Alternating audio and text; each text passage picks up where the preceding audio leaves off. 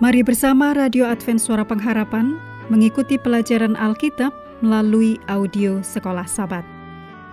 Selanjutnya kita masuk untuk pelajaran hari Jumat tanggal 16 Februari.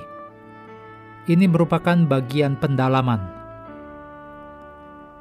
Mari kita mulai dengan doa singkat yang didasarkan dari Keluaran 34 ayat 6. Tuhan, Tuhan, Allah penyayang dan pengasih, panjang sabar, berlimpah kasihnya dan setianya.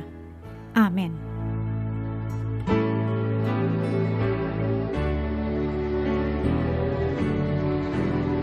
Bacalah Ellen G. White dalam judul Kebutuhan Orang Berdosa, halaman 22 sampai 33 dalam langkah kepada Kristus. Dalam kitab Mazmur, suara umat Allah bergabung menjadi satu, mengulangi paduan suara, bahwasanya untuk selama-lamanya kasih setianya dalam perayaan kasih kekal Allah yang ditulis dalam Mazmur 106 ayat 1, Mazmur 107 ayat 1, Mazmur 118 ayat 1 sampai 4 juga 29. Kemudian Mazmur 136. Berikut ini kutipan dari Hans La Rondel, Deliverance in the Psalms halaman 178. Tidak memuji Allah berarti melupakan segala nikmatnya, tidak menghargai pemberian Allah. Hanya mereka yang memuji yang tidak lupa. Berpikir dan berbicara tentang Tuhan belumlah memuji Dia. Pujian dimulai ketika seseorang mengakui keagungan dan perbuatan Allah serta menanggapi dengan pemujaan atas kebaikan, kemurahan, dan hikmat Allah. Pentingnya pengakuan secara hikmat akan kemurahan Allah yang kekal menjadi semakin penting ketika kita mengingat bahwa keusat Allah, yaitu perjanjian kasih setia dan kesetiaan Allah, berdiri teguh dan tidak berubah di tengah dosa dan pemberontakan manusia melawan Allah. Berikut ini kutipan dari Membina Kehidupan Abadi, halaman 108. Tulisan Ellen G. White. Kita telah berdosa terhadap Allah dan tidak layak baginya. Namun, Allah sendiri telah menempatkan dalam bibir kita permohonan-permohonan yang paling indah. Janganlah engkau menampi kami oleh karena namamu, dan janganlah engkau menghinakan tahta kemuliaanmu. Ingatlah perjanjianmu dengan kami, janganlah membatalkannya. Demikian dalam Yeremia 14 ayat 21. Bila kita datang kepada Allah, mengaku ketidaklayakan dan dosa kita, ia berjanji untuk mendengar seruan kita. Kehormatan dari tahtanya ditinggalkan untuk menggenapi sabdanya bagi kita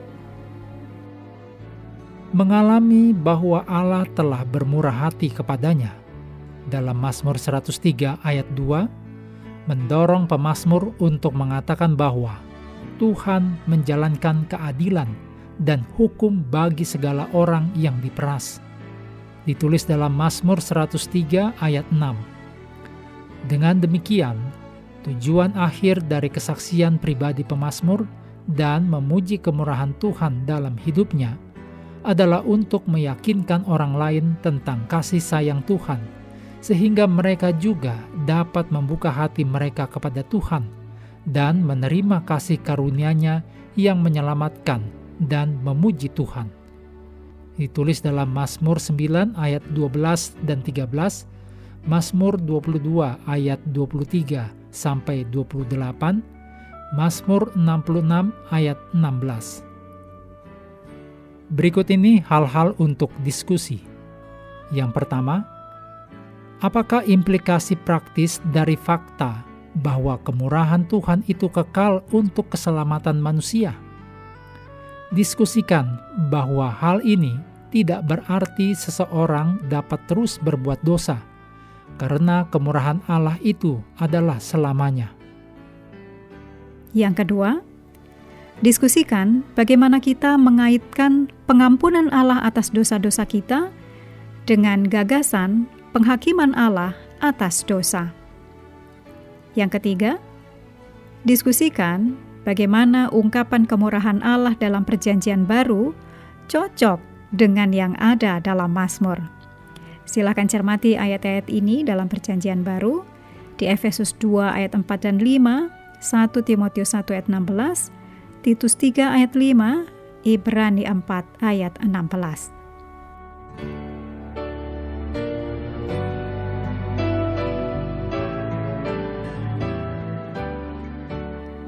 Mengakhiri pelajaran hari ini, mari kembali ke ayat inti dalam Mazmur 57 ayat 10 dan 11. Aku mau bersyukur kepadamu di antara bangsa-bangsa, ya Tuhan. Aku mau bermasmur bagimu di antara suku-suku bangsa, sebab kasih setiamu besar sampai ke langit, dan kebenaranmu sampai ke awan-awan. Kami terus mendorong Anda mengambil waktu bersekutu dengan Tuhan setiap hari, baik melalui renungan harian, pelajaran sekolah sahabat, juga bacaan Alkitab sedunia, percayalah kepada nabi-nabinya, yang untuk hari ini melanjutkan dari Yeremia 19. Tuhan memberkati kita semua.